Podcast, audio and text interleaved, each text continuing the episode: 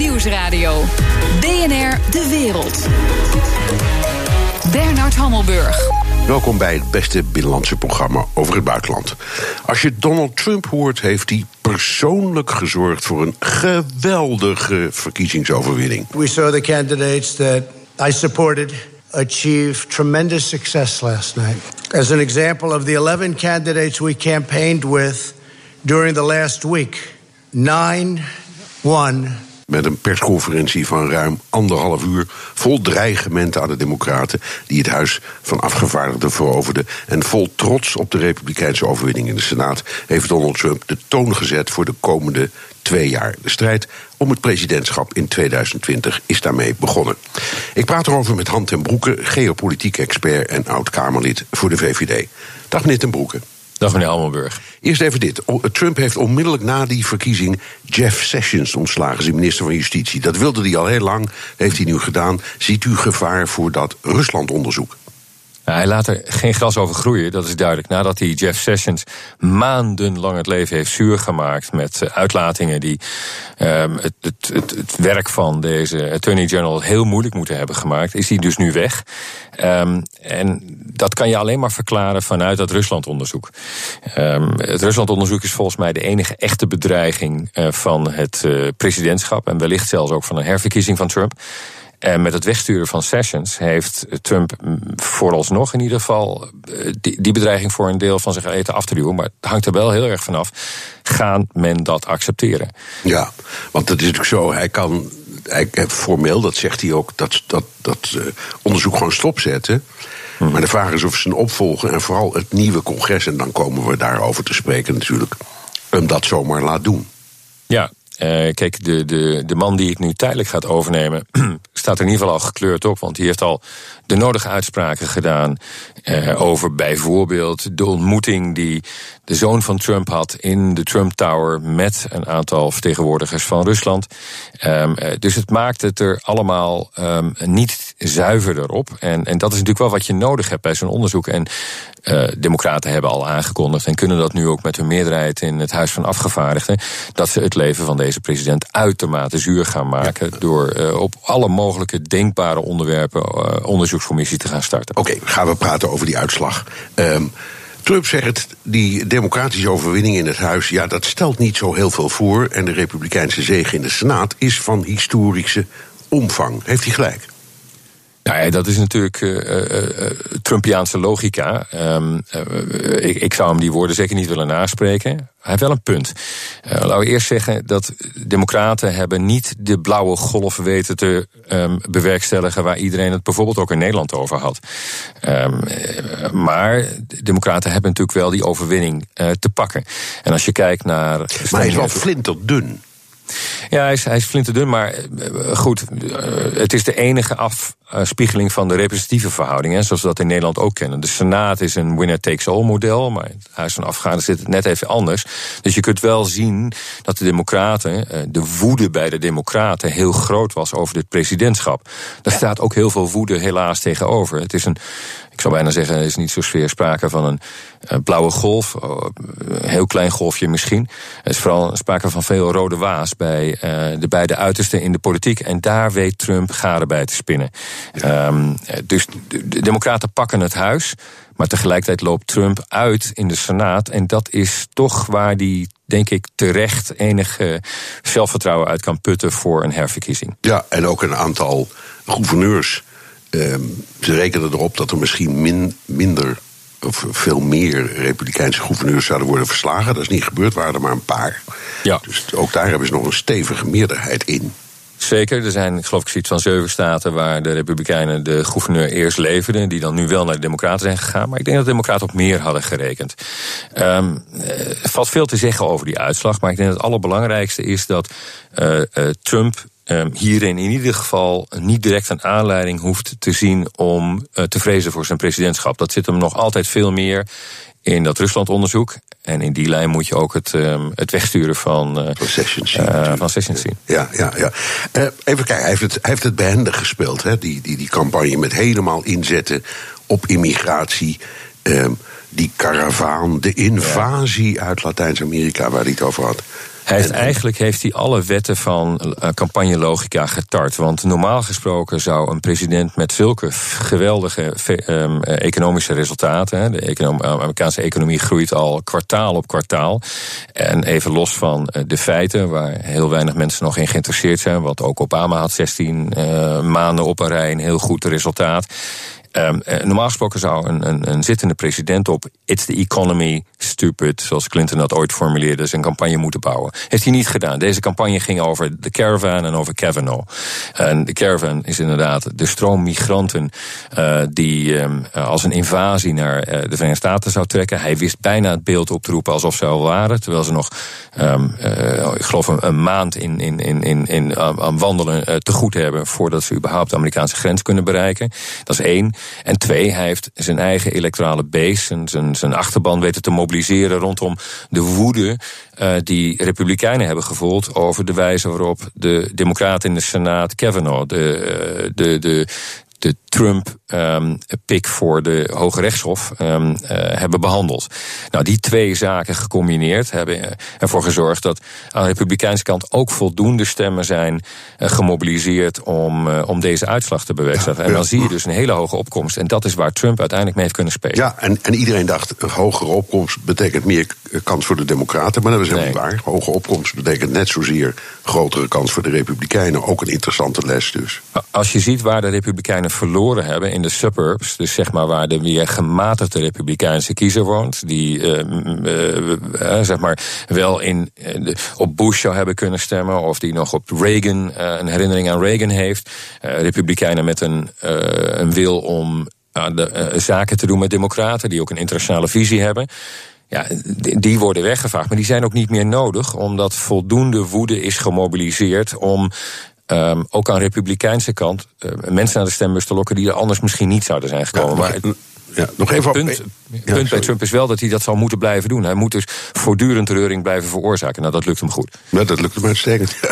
Uh, even naar de Democraten kijken. Uh, die, die zijn veel te laat begonnen met hun onderwerp, gezondheidszorg. En eigenlijk zijn die alleen maar tekeer te ga, gegaan tegen Trump. Foute strategie? Dat ze het keer moest gaan tegen Trump was de evenknie eh, van het mobiliseren van de achterban. Want anders zou die opkomst aan die kant niet zo hoog zijn geweest. Dus dat kon niet anders. Het grote probleem van de Democraten zit hem in het feit dat ze helemaal niemand hebben die dat op een aansprekende manier uh, over het hele land kan doen. Daarom zitten ze ook gigantisch in de problemen voor die um, uh, presidentsverkiezing die, die nu zal gaan beginnen, althans de campagne daarvoor. Ja, want, want hun, met... hun kandidaten, dat is een soort geriatrische instelling. nou ja, de, de, de, die, die beoordeling laat ik even aan u. Maar het is inderdaad waar dat als je kijkt, Nancy Pelosi, uh, Joe Biden, um, uh, nou, Elizabeth Warren. Elizabeth, ja. Nou, die is dan nog de jongste, geloof ik, van, van, van het hele stel. Dat zijn toch ook geen mensen die die jonge kiezer aanspreken? Uh, Bernie Sanders ja. spreekt nieuwe kiezers aan, maar is toch ook al in de tachtig, geloof ik. Nee, het zijn allemaal oude mensen met over het algemeen uh, heel veel verleden. En dat is het verleden waar kiezers geen trek meer in hebben. Um, dus, dus de Democraten moeten op zoek naar een kandidaat. En waar hebben ze wel enthousiasme? Dat zit er met name in, wat ik zou zeggen, in uiterst links. Dat zijn hele interessante kandidaten die opkomen, maar die nooit grote groepen kiezers kunnen aanspreken. Um, die, die, die komen van kleine minority groups die, die eh, heel vocaal zijn, die ook heel aansprekend zijn, die uh, een prachtige uh, tv-performance of een media-performance hebben, maar die nooit uh, de weg door het midden kunnen, kunnen bewandelen. En die wordt daar, steeds lastiger. En daar moet je van hebben. Oké, okay, even heel simpel gezegd. Het huis gaat over geld, de Senaat gaat over benoemingen. Hè? We gaan even, even kort door de bocht. Ja. Wat betekent dat nou in de praktijk? Um, kan het huis bijvoorbeeld um, uh, de financiering van die 15.000 soldaten die naar de zuidgrens gaan uh, blokkeren. Um, kunnen ze het onderzoek naar uh, machtsmisbruik van Trump, want dat kost ook allemaal geld, kunnen ze daar iets mee? Wat, voor, wat betekent het praktisch dat het huis nou een meerderheid heeft? Ja, nou dat, dat, dat kunnen ze. Kijk, de, de Senaat gaat over benoemingen en over buitenlandpolitiek. Kom misschien straks even op. Maar het Huis kan, eh, kan onderzoekscommissies starten, kan funding um, blokkeren of zelfs of juist mogelijk maken. Het probleem is alleen, hoe gaan de Democraten dat verkopen? Bij Kavanaugh hebben we gezien dat ze dachten dat ze een fantastische uh, troefkaart hadden, die ze tegen Trump kunnen inzetten. Nou, die is um, als een boemerang teruggekomen. En dit doet mij een klein beetje denken aan de eerste periode onder president Clinton, die op een gegeven moment een government shutdown, omdat hij, hij kon geen overeenstemming met de Republikeinen bereiken. Nee, toen, met de ruzie met Newt Gingrich, de leider van de Republikeinen. Ja. Hij, hij, hij, dreigde toen om de, de, de overheidsburelen dicht te doen, uh, ook nog zo rondom de kerst, dat is allemaal niet fijn. Heeft hij gedaan. En in plaats van dat dat terugsloeg op zijn presidentschap, gaf het hem ineens um, uh, gaf het hem nieuwe energie. Ik ben heel erg bang dat de Democraten niet in staat zullen zijn om via het fundinginstrumenten Trump werkelijk moeilijk te maken. Want wat zou er nou gebeuren op het moment dat ze zeggen: uh, uh, inspanningen om daar een muur op te richten in Mexico, die gaan we niet langer betalen? Nou, dan komt, dan komt Trump in een veto. Dan komt hij met een veto. Dat wordt ten eerste al uh, onderschat. Hè. Hij kan gewoon de komende twee jaar, zoals Obama dat trouwens ook heeft gedaan, bij veto, bij decreet regeren. Um, hij kan dan vervolgens de schuld geven aan de Democraten. Um, en dat is precies waarom mensen een hekel hebben aan Washington. Want iedereen heeft in zijn eigen staat wel een stuk asfalt of een brug die het niet meer doet, waar geen funding voor komt, omdat Democraten en Republikeinen het niet eens worden in Washington. Dus hij kan, dat is het, natuurlijk het eigene aan een, een, um, de stijl van Trump. Ja, hij kan beide, um, uh, hij kan beide middelen kan hij inzetten. Als hij all-out gaat, uh, dan krijgt hij zijn eigen uh, medestanders. Als hij compromissen wil sluiten en dat wordt hem onmogelijk gemaakt, dan zal hij daarop um, hoog van de toren schreeuwen. Het is een win-win situatie voor Trump. Zo dadelijk. De handelsoorlog, Iran, de NAVO, de verhouding met de Europese Unie. Kortom, wat betekent die uitslag voor ons? BNR Nieuwsradio. BNR De Wereld. Mijn gast Hand en Broeke, geopolitiek expert en oud-Kamerlid voor de VVD. Impeachment, afzetting, oh ja, houd toch op. What do you do? Do you impeach somebody because he created the greatest economic uh, success in the history of our country? Let's impeach the president, and then we'll impeach the vice president. These people are sick, and you know what? They have to get their bearing. Allemaal flauwekul, zegt Trump. En hij heeft waarschijnlijk gelijk. Het Huis van Afgevaardigden kan zo'n procedure starten, maar de benodigde tweederde meerderheid in de Senaat ontbreekt. Trump blijft. Uh, meneer Ten Broeke, wat denkt u? Blijft hij nog twee of nog zes jaar? Als u mij op dit moment vraagt, zet ik mijn geld op zes jaar. Ja, nou, dan kunnen we geen flesje ver, uh, verlo- uh, inzetten, want dat geloof ik ook. Ja. We gaan het hebben over de Senaat. U zei dat straks al. Die gaat dan voornamelijk over benoemingen, maar ook over um, buitenlandpolitiek. Wat betekent deze uitslag voor de geschillen, de ruzies, de conflicten die wij met Trump hebben? Nou, hij, Trump kan op dit moment een beetje meer achteroverleunen, omdat het in de Senaat alleen maar makkelijker wordt voor hem. Hij krijgt meer medestanders. Um, hij kan het zelfs nog verder uitbouwen. Nou, de volgende keer, maar goed, dan gaat het ook direct om zijn eigen herverkiezing. Het is traditioneel zo dat een zittende president in zijn tweede termijn, zeker als hij een huis heeft wat tegen uh, hangt, en dat heeft hij nu, um, dat hij het moet hebben van zijn buitenlandpolitiek. Nou, ook in de buitenlandpolitiek moet hij uiteindelijk compromissen durven sluiten met andere landen. Denk bijvoorbeeld, hij zit nu op ramkoers met de Chinezen als het gaat om een handelsconflict. Tegelijkertijd wil hij ook weer een paar dingen van de Chinezen. De Chinezen houden een groot deel van de uh, Amerikaanse schulden in handen. Dus, dus er is geopolitiek nog wel het nodige te, um, te schaften. Um, maar ook hiervoor geldt dat um, Trump, als hij een deal zou kunnen doen, en waar dat dan ook is, uh, dat hij er gemiddeld gesproken goed uit kan komen. Voor zijn eigen achterban in ieder geval. Noord-Korea heeft hij um, onderhandeld, daar is niets uitgekomen. Dat was een pure foto-opportunity. Ja, maar, maar hij zei in zijn persconferentie wel, nou, ergens in het voorjaar zie ik Kim Jong-un weer. Ja, een half jaar geleden was het nog dat hij hem bij de Algemene Vergadering van de Verenigde Naties, die nu alweer een maand geleden heeft plaatsgevonden, zou ontmoeten. Is niet gebeurd. Vervolgens was het binnen twee maanden. Nu is het al het voorjaar. En sinds vandaag uh, zijn de Noord-Koreanen alweer bezig om um, de Amerikanen verder te tarten. Terwijl ze nog niets aan die Amerikanen hebben gegeven. En wel hebben bereikt dat er in ieder geval geen oefeningen meer plaatsvinden in en rondom het Koreaanse schiereiland van Amerikaanse troepen. Ja. Met andere woorden, Trump um, gokt ook geopolitiek. Um, met, met nefaste gevolgen, wat mij betreft, voor um, de Europese veiligheidsbalans. hij heeft net een verdrag verscheurd waar met name ja, het Europa. INF-verdrag voor de beperking ja. van middellange uh, atoomraketten. I, uh, ja, dus raketten boven 500, die verder dan 500 kilometer uh, bereik hebben. En dat is met name voor, voor ons van belang, omdat dat het nucleaire evenwicht in Europa, waarvan we heel lang konden aannemen dat dat in ieder geval geregeld was.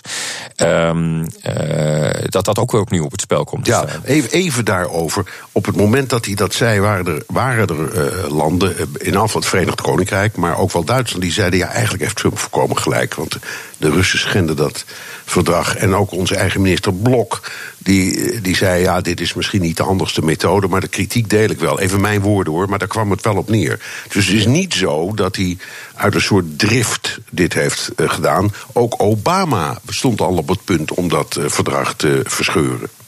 Ja, Obama is natuurlijk eerst begonnen, zoals hij ook in het Midden-Oosten is begonnen, met een hele mooie speech. In dit geval in Praag over een 0-0-optie. Totale uh, afbouw van, van, van nucleaire arsenalen. En hij is in het omgekeerde geëindigd. En, en werd toen realpoliticus, zou je kunnen zeggen, omdat hij wees op alle overtredingen die de Russen begaan. We hebben Russische uh, raketten staan heel dicht bij Europa. waarvan ook moet worden aangenomen dat ze wellicht een bereik hebben wat boven de 500 kilometer is. En daarmee komen ze, dat zijn de Iskander-raketten. Die staan in en, Kaliningrad. Precies, en dat is ja. aan de grens bij um, de Baltische Staten, Polen en Rusland. Um, die kunnen feitelijk de hele NAVO-vloot die daar is, uh, kunnen ze gijzelen. Uh, maar maar kort, kortom, hij, hij heeft wel een punt met dat INF-verdrag. Ja. En nee, dat gaat, dat gaat dan wel over ons, maar dat betekent niet dat hij ongelijk heeft. Maar het verschil tussen uh, Trump en de andere bondgenoten die nu um, lippendienst bewijzen, inclusief Nederland, aan wat Trump daar zegt, is dat die tot nu toe die consequentie niet durfde te trekken. Uh, maar we zijn er niet veiliger op geworden met het verscheuren van dit verdrag. Nee, want wat je kan je beter, je kunt beter zeggen, we, we, onderhandelen juist opnieuw. Of wat een heel belangrijk punt is, ook bij de Russen, we betrekken de China, China erin, wat tot nu toe ja. niet is gebeurd. Nou, wat, wat, kennelijk de, de, de gok is van de vastgoedmagnaat die nu president is geworden, is dat doordat hij dit verdrag verscheurt, dat hij in staat zou kunnen zijn om een nieuw verdrag uit te onderhandelen waarbij ook de nieuwe spelers een rol spelen. En het is zo dat um, uh, dit verdrag bestond natuurlijk bij de gratie van de twee grootmachten VS, Rusland, met Europa daartussenin. Uh, ondertussen zijn er meer landen bijgekomen die ook in staat zijn om, en die ook uh, nucleaire arsenalen hebben opgebouwd. Uh, China is daarvan de meest prominente. Nou, dit is de eeuw van China. China zal de geopolitiek in toenemende mate bepalen. Dus die inschatting van Trump snap ik wel. Wat ik alleen nog niet begrijp is hoe het verscheuren van dit bedrag, verdrag daaraan gaat bijdragen. Nee, en dat, en dat brengt ons op de verhouding binnen de NAVO. De, hij heeft, laat, laat ik zeggen, hij is nou ja, hij is niet gek op de NAVO. Uh, nee. Hij heeft, een, hij heeft een beetje bijgedraaid, maar ook dat gaat rechtstreeks over ons. Ja, en, en hier moet de NAVO dus NAVO zitten zoeken naar wat het antwoord is. Want zonder de Amerikanen uh, kan het niet. Met de Amerikanen wil het niet. Um, um, dus wat, wat te doen? Je moet hopen dat in de tweede helft van dit presidentschap Trump om een aantal redenen dat zeg maar, de geopolitieke realiteit hier de schip uh, dat, dat soms op ramkoers lijkt te zitten, het schip uh, van het Witte Huis, dat dat wordt gekeerd. Uh, wat mij betreft is het dus ook heel belangrijk. We hebben vanochtend gezien het, dat hij um, afscheid heeft genomen van Jeff Sessions, um, zijn, zijn attorney general. Maar als hij ook afscheid zou nemen van Jim Mattis, minister van Defensie, de minister van Defensie, dan, dan moeten we ons serieus zorgen gaan maken. Ja, maar goed, dat, zover, zover. Even uh, Europa. Hij vindt die hele Europese Unie eigenlijk maar onzin. Hij vindt de Brexit uh, fantastisch. Um, uh, wat betekent dit nu? Um, en vooral voor Nederland, ik noem een paar dingen. Hè. Nederland is de derde investeerder in de Verenigde Staten. Dus we zijn wat dat betreft van een partij, als, toch als klein land. Um, wij zoeken bij die Amerikanen toch steeds meer en vaker steun voor de MH17-kwestie. Wat betekent het voor ons, voor Nederland, eh, als onderdeel van de EU? wij zullen, wat volgens mij dit kabinet uh, tot nu toe ook gedaan heeft, Nederlands kabinet, uh, we zullen een, zo zakelijk mogelijke omgang met het Witte Huis moeten blijven zoeken. Um, of we dat nou leuk vinden of niet. Er zijn natuurlijk allerlei geluiden in Nederland die um, het liefst elke dag ook tegen deze president zouden willen fulmineren, alsof wij onderdeel van hun binnenlandse politieke discours zijn.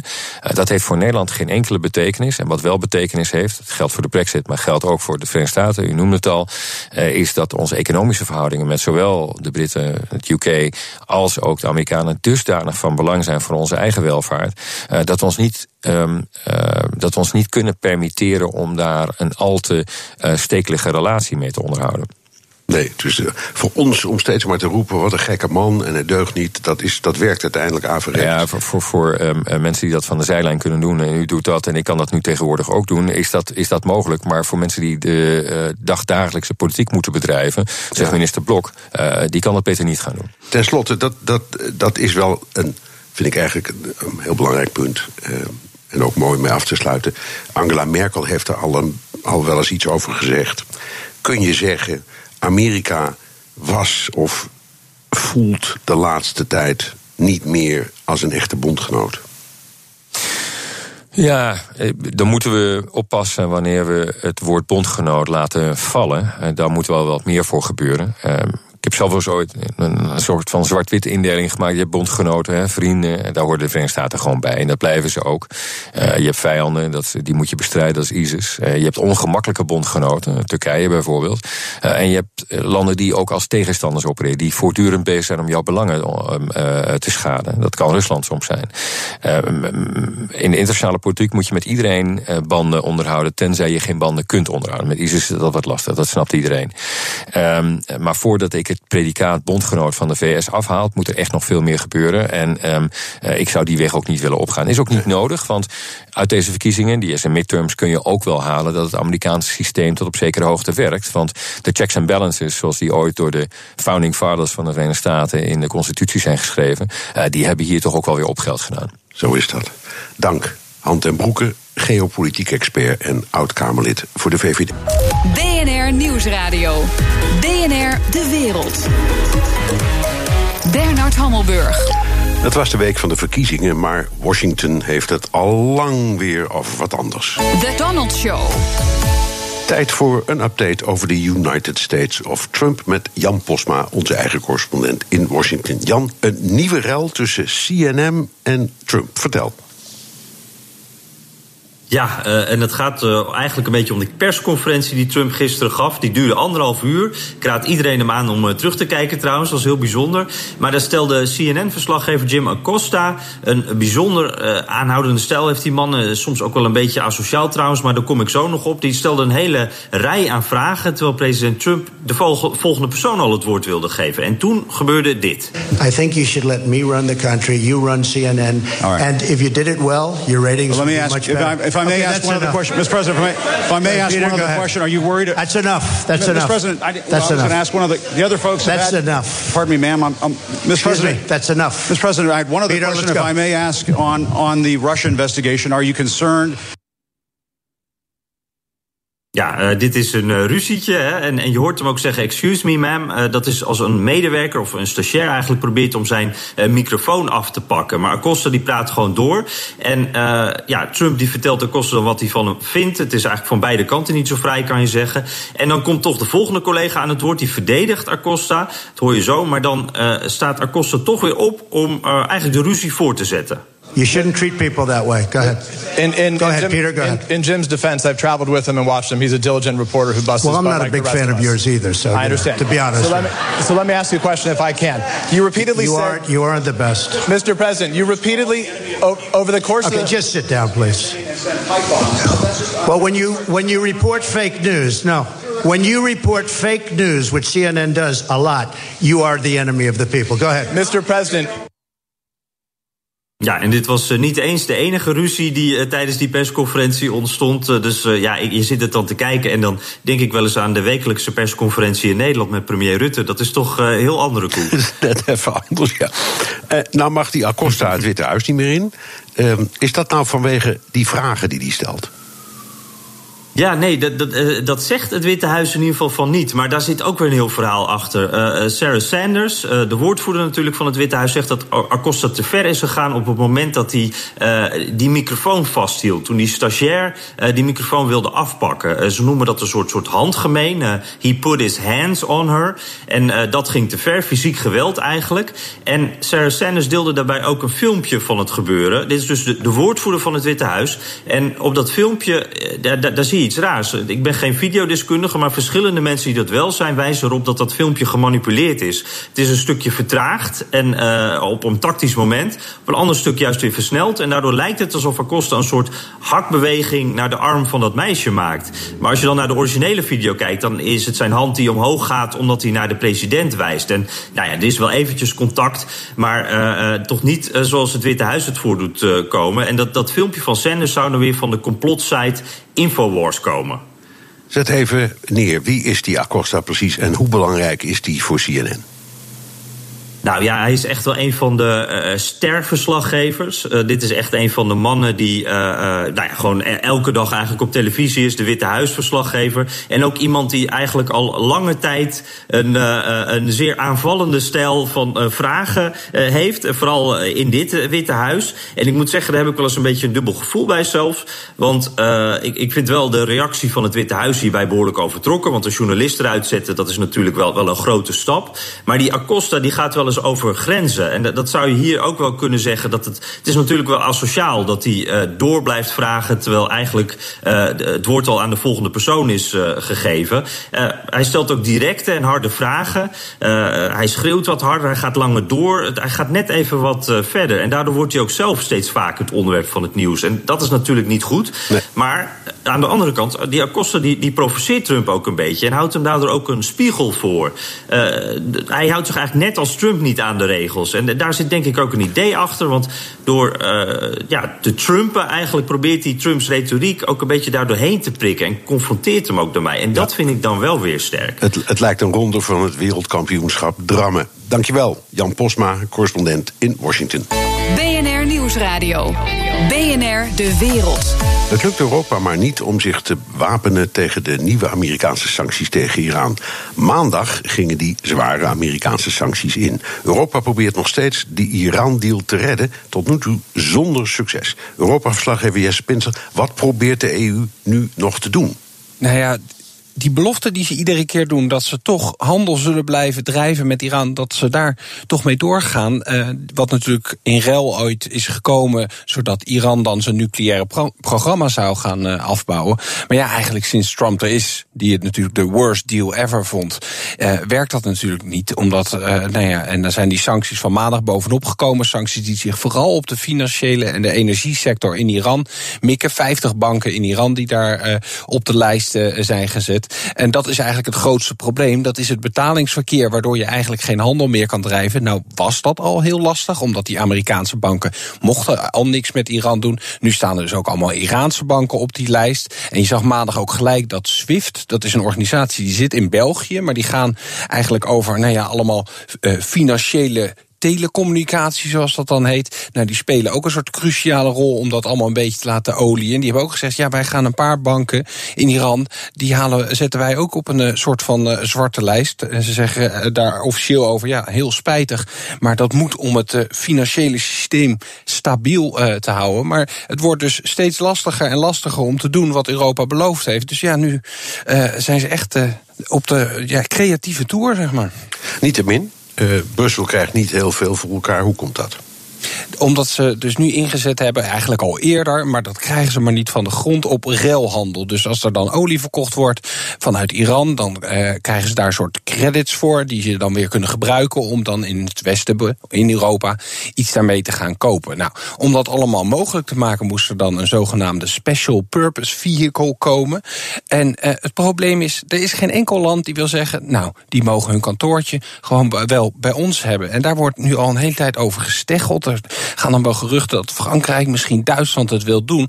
Maar het is natuurlijk eigenlijk vrij idioot dat je dat nog steeds niet geregeld hebt. Want het is niet alsof die sancties nou als één grote verrassing komen. Dat had je twee jaar geleden toen Trump aan de macht kwam eigenlijk al kunnen zien. En de consequentie is dat nou ja, uh, diplomaten in Brussel ook zeggen... ja, misschien dat je 20, 30 procent van de handel die we hadden met Iran... voor, nou ja, voor Trump eigenlijk, dat kunnen we nog in stand houden... maar veel meer, ja, waarschijnlijk niet. Zijn bedrijven die handel drijven met Iran überhaupt geïnteresseerd in die oplossing? Want ja, als je kijkt naar hele grote spelers, Siemens, Total, noem maar op, die zijn al lang weg. Ja, ja, nee, die grote spelers die zijn eigenlijk, uh, hebben het al vrij snel opgegeven. Die zijn natuurlijk ook heel erg afhankelijk van dat betalingsverkeer en die grote banken. En die willen gewoon geen ruzie met de Amerikanen. Wat ook de reden is waarom niemand dat, uh, uh, dat special vehicle zeg maar, in zijn achtertuin wil hebben. Omdat ze ook bang zijn voor Trump. Maar ja, de Europese Unie dacht, dan kunnen we in ieder geval het MKB, die kan nog een beetje aan de gang blijven. Dus ik ben ook even gaan bellen met wat dan heet het NIBC. Dat is het Nederland-Iran Business Business. Van wat zij nou eigenlijk tegenkomen. En ja, als het dan gaat om deze ruilhandelconstructie, zeggen ze ja, wij zijn daar ook heel erg terughoudend in. Om het simpele feit dat het nog steeds heel erg onduidelijk is of het er überhaupt gaat komen. En ook zij zijn weer toch bevreesd voor de Amerikaanse reactie als ze hiervan gebruik gaan maken. Tuurlijk zeggen ze als het een oplossing is, heel graag. Maar we hebben daar eigenlijk nog niet heel veel hoop in. En überhaupt het hele MKB-handel drijven met Iran, dat ligt toch een beetje op zijn gat sinds uh, Trump uh, er is. Uh, speelt ook niet mee dat de Europese relatie met Iran zelf ook niet zo goed is?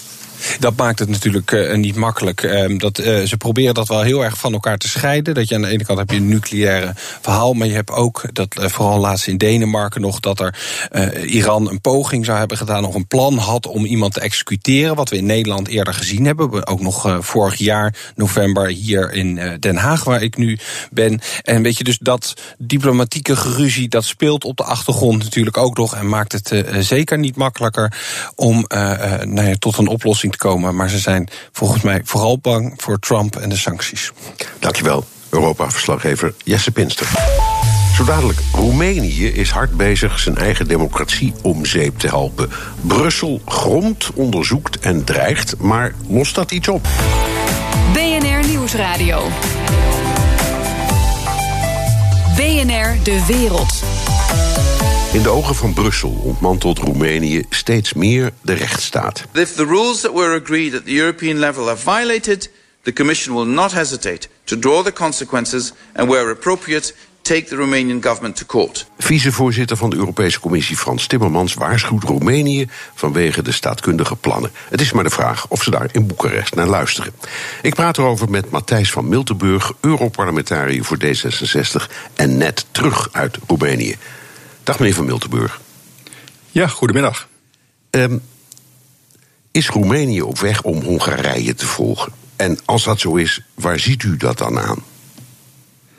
Nou, ik maak me zorgen over de stappen die worden gezet, zo de afgelopen maanden, zo niet de afgelopen jaren, uh, met een uh, regerende coalitie die er alles aan doet om de strijd tegen de corruptie, de strijd tegen de fraude, de onafhankelijke rechter zoveel mogelijk aan te tasten. En dat blijkt onder andere uit het feit dat men in een heel rap tempo heeft geprobeerd, uh, eigenlijk het afgelopen jaar, om heel veel uh, wetten aan te passen die die strijd tegen de corruptie juist uh, ja, moeten bemoeilijken, lijkt wel. om een heel klein voorbeeld te geven de aanklagers die bezig zijn om corruptie op hoog niveau, dus dan heb je het over hoge politici, om die aan te pakken, die worden ineens geconfronteerd met de eis dat men minstens tien jaar ervaring moet hebben. En wat blijkt nu? Dat nou juist een van de aanklagers die op een dossier zit, wat rechtstreeks uh, gaat over de partijleider van de Sociaal-Democratische Regeringspartij. De man die zit overigens ook de Tweede Kamer in Roemenië voor dat deze aanklager met die nieuwe eis in de hand van het dossier zou moeten worden gehaald. Dus het lijkt soms wel dat de beweegredenen om wetten door te voeren, dat die puur en alleen gericht zijn om bepaalde mensen uit de wind te houden, om misschien nog beter te zeggen, om ze uit het gevangen te houden. Ja, en, en, en dat doet inderdaad zeer denken aan Polen, aan Hongarije. Um, Roemenië heeft net als Polen en Hongarije een, een grote leider, dat is uh, Dragnea, als ik het goed uitspreek, voorman van de Socialistische Ja, Partij. Wie, ja, wie, wie is hij en wat wil hij precies? Ja, Dragnea is iemand die eh, carrière heeft gemaakt in een district. En eh, hij is uiteindelijk doorgebroken op eh, landsniveau. heeft een hoge positie. Eh, is veroordeeld in 2016 wegens verkiezingsfraude in zijn eigen kiesdistrict. Maar in Roemenië is het dan toch blijkbaar mogelijk om wel voorzitter te worden van de Roemeense Tweede Kamer. Hij kon overigens na de verkiezingsoverwinst die, eh, verkiezingsoverwinning die zijn eigen politieke partij had geboekt, eh, niet als minister-president fungeren. Dat dan weer niet. Maar hij heeft de touwtjes heel strak in handen. Hij wordt. Maar hij heeft nog wel, hij heeft nog wel die celstraf, hij heeft die, die celstraf nog te goed, als ik het goed begrijp. En, Ja, hij eh, heeft, eh, twee is, jaar is, die, is die maar- onschendbaar, zoals in heel veel landen het geval is met parlementariërs? Ehm, nee, want eh, hij heeft een voorwaardelijke gevangenisstraf gekregen van twee jaar. Ehm, maar ja, aangezien zich op dit moment nog niet zeg maar, voor hetzelfde strafbare feit zijn de verkiezingsfraude opnieuw ja, zeg maar de grens overschrijdt, hoeft hij die twee jaar niet uit te zitten. Ondertussen is hij ook veroordeeld voor 3,5 jaar gevangenisstraf. omdat hij fictieve banen zou hebben gecreëerd. Hij heeft mensen in dienst laten nemen. eh, terwijl ze eigenlijk gewoon voor zijn eigen partij werkten. bij een andere organisatie. Eh, dat is ja, machtsmisbruik. Eh, die zaak die moet nog dienen in hoger beroep. Dat is nu gaande, maar we wachten nog op de definitieve uitspraak van de rechter. Het zou zomaar kunnen dat hij over een tijdje definitief eh, in het gevangen zou belanden. Maar in de tussentijd probeert hij dus op alle manieren om eruit te blijven. Simpelweg door de spelregels te veranderen, door wetten aan te passen, door nieuwe eisen te stellen aan de ervaring van aanklagers. Nou, de aanklager op zijn eigen zaak. We hadden het er net al even over. Die zou dan volgens de nieuwe regels niet voldoende ervaring hebben. Dat betekent dat er weer een nieuw iemand op zou moeten komen. En dat leidt tot vertraging. Hij probeert ervoor te zorgen dat de minister van Justitie eh, in toenemende mate eh, macht heeft over de benoemingen en het functioneren van de rechterlijke macht. Uh, dus daarmee zijn er grote vraagtekens over de onafhankelijkheid van de rechterlijke macht. Overigens is dat ook een van de zorgen, zoals die geuit wordt door de Raad van Europa. Organisatie die zetelt in Straatsburg, niet te verwarren met de Europese Raad. Die gaat over de bevordering van de democratie, de rechtsstaat en mensenrechten. Die hebben gezegd ook van ja, er worden allerlei wetten aangepast. Maar ja, die zijn nou juist heel erg van belang om die rechtsstaat uh, uh, goed te houden. Ja, maar um, goed, de ja, Westerman probeert de eigenlijk op alle manieren... Moppert, moppert, maar, maar de, de vraag is, uh, ik neem aan dat de- er is toch geen dictatuur. Waar is de oppositie? Ja, de oppositie uh, uh, wordt uh, niet of nauwelijks gehoord in het parlement. De meerderheid ja, kan die wetten allemaal aanpassen. Um, en die oppositie laat zich vooral ja, horen op straat. deze zomer is er een ontslag geweest van uh, de hoofdaanklager van de anticorruptiedienst, mevrouw Kvetsi.